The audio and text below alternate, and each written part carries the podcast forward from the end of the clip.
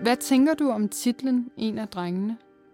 Jeg har det lidt blandet med den, fordi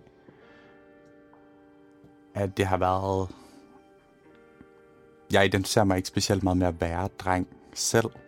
Personligt bliver jeg mindet om alle de der, altså sådan, jeg er en eller anden stereotyp forestilling om en dreng, som jeg så altså skal bruge en stor del af mit liv på sådan at finde ud af, hvordan jeg lige skal håndtere. En af drengene er en podcastserie, produceret og lavet af mig, Arantxa Ræ for Papercut Issues. Du skal nu høre tredje afsnit i serien, men føl dig fri til at høre det i lige den rækkefølge, der passer dig. Hvis du først lytter med nu, er du velkommen til at gå tilbage og høre de forrige afsnit. Men nu skal du i hvert fald høre en fortælling fra en af drengene. Jeg tror, jeg har altid haft et lidt oppositionsagtigt forhold til det at være dreng. I dette afsnit taler jeg med Jakob på 23.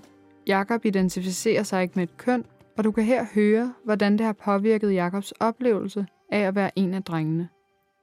Jeg tror, det minder mig om... Det minder mig bare om noget, jeg ikke kunne. Altså, jeg, altså jeg, jeg skal ikke være en af drengene, eller sådan... Sammen undersøger vi eksisterende kønsstereotype forestillinger, der mange gange kan ligge i drenge- og pigevenskaber. Det minder mig bare om, at det, det kan jeg ikke være en af drengene. Og så tror jeg, ideen om drengefællesskaber, men det er så svært, fordi at jeg vil, jeg vil ønske, det ikke eksisterede. Altså jeg ville ønske, at kønnet fællesskaber ikke eksisterede på en eller anden måde. Men det gør de jo bare så meget. Og det skal jeg jo, det, altså det kan jeg jo ikke. Det er urealistisk at forvente, at de ikke eksisterer. Tænker jeg. Men for mit eget vedkommende, så handler det om en eller anden følelse af utilstrækkelighed, fordi at... Også fordi jeg altid har været meget bevidst om, hvilke forventninger der har været til mig. Og naturligt er det at være dreng bare ikke, eller sådan være en stereotypiseret udgave af en dreng, bare ikke noget, jeg har kunne være sådan særlig meget. Jeg kan ikke huske en situation, hvor jeg har tænkt, nu går jeg hen og gør det her, fordi så bliver jeg en af drengene. Jeg kan ikke huske, at jeg har sådan sat mig for at prøve aktivt at blive en af drengene på den måde.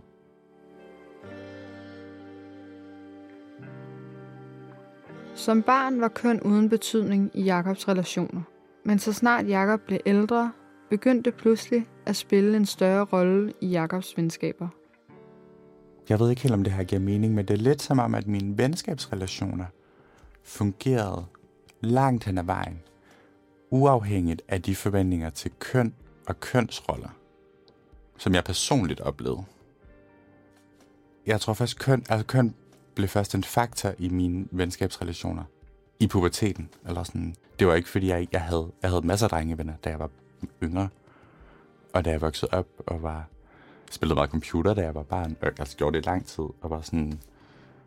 Du ved, så holdt vi lan party, så det var jeg jo bare med til, som alle var, og sådan legede sig med drengene. Og da jeg gik i børnehave, og også, altså op i folkeskolen, 3., 4., 5. klasse, måske 3., 4., husker jeg det ikke som om, at sådan køn var særlig betydende for, hvem jeg var sammen med.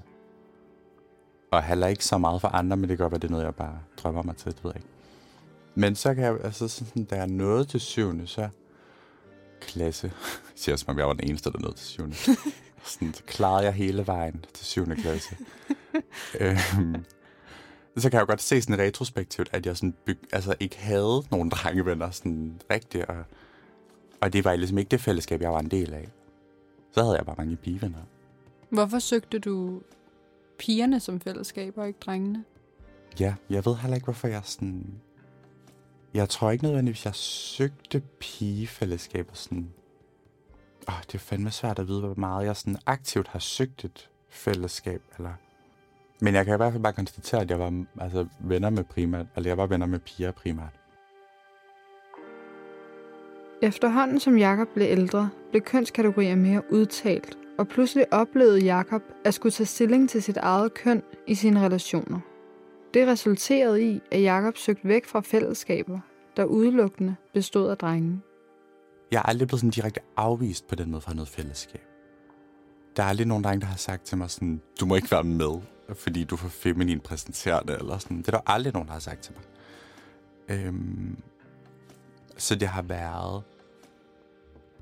Det, der for mit vedkommende er sket, det er ikke, at der har været en konkret situation, hvor jeg så har oplevet, der mislykkedes jeg med at være en af drengene. Det har mere været sådan en over år, i takt med at blive ældre, en sådan finpudsning af, og en konstant opmærksomhed på, hvor kan jeg være med, og hvor kan jeg ikke være med. Så jeg sådan på en eller anden måde har taget, kommet det i forkøbet, hvis jeg tror jeg måske at søge væk fra drengefællesskabet. Fordi jeg godt vidste, at hvis jeg prøvede, så ville det... Eller der var en del af mig, der tænkte, at hvis jeg prøvede, så ville det gå galt. Eller sådan. Og så for måske for at spare en for den. Jeg tænkte ikke, at det ville gå galt på grund af noget bestemt. Det var mere en underliggende følelse af, at det kommer ikke til at gå godt. Eller sådan, det er ikke, det er ikke rigtigt. Det er ikke meningen.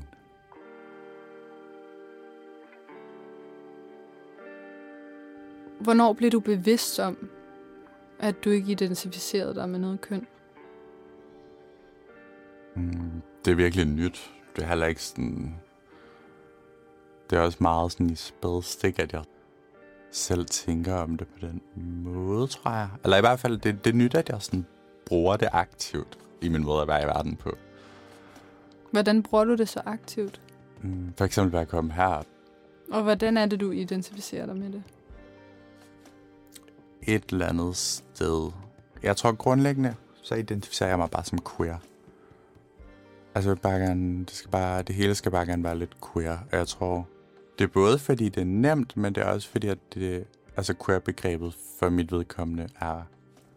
Det er utroligt dejligt, fordi det er også ukonkret. jeg kan ligesom få lov til at være noget andet end, end det heteronormative, men jeg behøver sikkert sætte mere konkret ord på, eller sådan kasser på, hvad det er. Så det er også, det er også en... Altså, queerness er også for mit vedkommende. Det er sådan en kontinuerlig kritisk stillingtagen over i forhold til, hvad det er, der er det etableret. Den gennemgående ting er ligesom sådan en opmærksomhed og en øh, villighed til at lege med de normer, der eksisterer, og de forventninger, der er til en. Jakob har haft mange overvejelser omkring det, han kalder stereotype kønsfællesskaber. Fællesskaber, Jakob har haft svært ved at være en del af gennem sin opvækst. Jeg har haft som queer person vokset op, meget bevidst om, at jeg stod uden for nogle normer. Jeg skulle hele tiden forholde mig til, hvordan jeg stod uden for, hvad jeg kunne gøre for at passe ind, og hvordan kunne jeg, og komme af nogensinde til at kunne bo i det der villahus. Nej, det gør jeg ikke, så jeg blev nødt til at finde noget andet, og sådan... Og så kiggede på nogle folk, som jeg også bare læst som sådan... Altså heteroseksuel, heteronormativ, whatever, og været sådan... Det er så nemt for jer og så det, I så gør, det er så at lave sådan nogle vildt stereotype drengefællesskaber og pigefællesskaber, eller sådan... Og kæft, bare det bare sådan laveste fællesnævneragtigt, at I så skal lave nogle så stereotype fællesskaber, der bare bliver bundet sammen på så...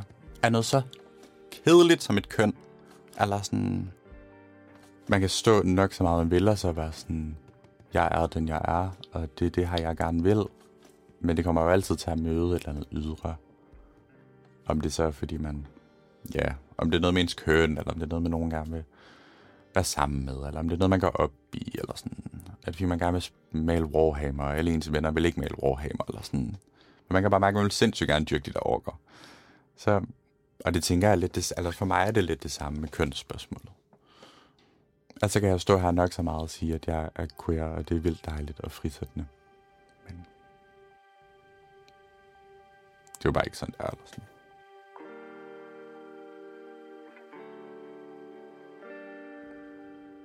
Ej, det er fandme også fordi, åh, og det var kedeligt, jeg kommer til at lave sådan en fortælling om, åh, den queer person, der har det hårdt, mens de vokser op. Men det er for helvede sådan, jeg har haft det. Jeg er meget påpasselig med at skabe en fortælling om, at det per automatik er hårdt at vokse op i en by som queer. Og jeg tror, det er det, jeg er bange for, at jeg kommer til at gøre. Fordi jeg jo bare vil ønske, at det ikke handlede så meget om det. Og... Men faktum er jo stadigvæk, at jeg sådan... Det er, det er bare vildt svært, fordi uh, ligesom, at vokse op som queer i en eller anden grad. Både seksualitetsvejs og kønsvejs. Det er også, altså... Jeg kan huske, at der var en... jeg kan huske, at jeg var bange for at sidde med krydset ben. Men det har ikke nødvendigvis noget med drengefællesskabet at gøre. Det har jo noget at gøre med en stereotyp idé om et drengefællesskab, eller en stereotyp måde at være dreng på. Det har ikke nødvendigvis noget at gøre med de drenge, der gik i min reelle fysiske folkeskoleklasse, tror jeg. Så du vil ikke sidde med krydset ben, fordi så var du ikke så stereotyp dreng? Præcis. Var lidt femi. Uha. Men hvad, hvad, hvad er og hvad var din opfattelse af drengegrupper?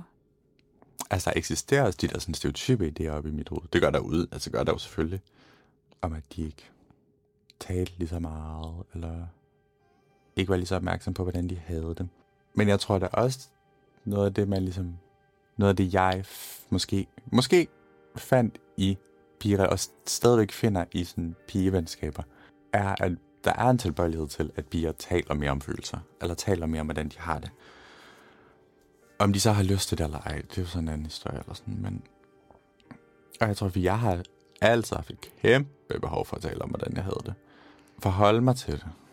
Også fordi, at den måde, jeg havde det på, konflikterede lidt med verden, eller sådan, synes jeg. Så jeg havde ligesom et eller andet behov for at forholde mig til min egen følelse og tale om det, og jeg tror, at det var nemmere at finde i pigevenskaber. Og jeg er stadigvæk nemmere at finde i pigevenskaber. Men det var jo også før jeg vidste, der var noget, der hed queer, eller sådan. Så nu tror jeg, jeg tilgår det på en anden måde nu. Fordi nu er der sådan et spørgsmål om queer også frisende på en måde, fordi det giver mig mulighed for at fokusere på nogle andre ting end køn. Og det giver mig mulighed for at fokusere på, ja, altså noget andet end nogle stereotyper. Andre folk fokuserer nok heller ikke så meget på stereotyper. Men hvis man passer ind i de stereotyper, der er, så er det heller ikke et problem på den samme måde.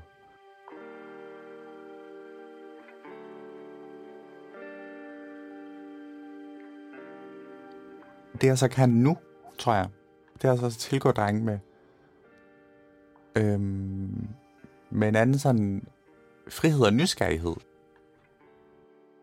Det fylder også i min måde at tilgå drenge på, at jeg, jeg kan være en mulighed for dem til ligesom at få lov til at tale om nogle andre ting. Eller sådan. For det er jo heller ikke sikkert, at jeg har brug for det. Men, men du prøver at skabe det rum Ja, jeg kan i hvert fald godt lide at tro, at jeg skaber det rum, og at det er noget af det, jeg kan bidrage med.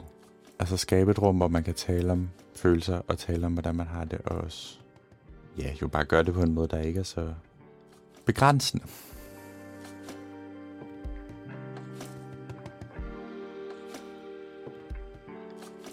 Efter du er blevet mere bevidst om at være queer, har det ændret dit perspektiv eller dit syn på dine venskaber? Eller hvad et venskab skal indeholde? Jeg tror egentlig ikke som sådan, det har... Jeg tror ikke, det at være mere opmærksom på min queerness har ændret synet på mine eksisterende relationer. Jo, på den måde, at der er nogle ting, jeg er opmærksom på, at jeg måske skal finde et andet sted. Det er ikke fordi, det på den måde har sådan justeret noget i forhold til, hvad jeg gerne vil have ud af et venskab. Synes jeg ikke. Det, det kan have ændret, det er jo mere noget, der handler om nu skal jeg for alle i takt med, at man udvikler sig, at man bare naturligt skal have nogle andre inputs eller sådan. Som jeg tænker er lidt det samme som, hvis man har børn, så vil man gerne være venner med nogen, der har børn eller sådan. Så du vil ligesom gerne have nogle venner, der også er queer? Ikke alle ja, måske? Men ja, altså, ja, fordi ikke udelukkende. Det skal ikke være sådan en... Ja, det skal jo netop for helvede ikke være sådan, også det er magtigt. Og jeg er jo også så tøvende med at acceptere det behov, jeg har. Men ja, jeg vil gerne have venner, der er queer. Jeg vil gerne have flere venner, der er queer. Sådan. Det var dejligt, hvis alle var det. det var sygt dejligt. Fordi så kunne du spejle dig alle. Ja. Ja, og så kunne jeg få lov til at være den, der ikke føler mig ved siden af. Eller sådan. Det kunne være fedt.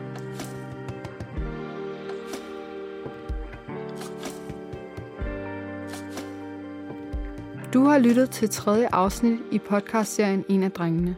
Serien er produceret og lavet af mig, Arantxa Re for Papercut Issues. Tak til Jakob for at invitere os indenfor, og tak til dig, fordi du lyttede med. Hvis du kunne lide, hvad du hørte, så lyt med i næste afsnit, når jeg taler med Jonathan, der fortæller om en episode med en ven, der gav netop den støtte, han havde brug for på lige det tidspunkt.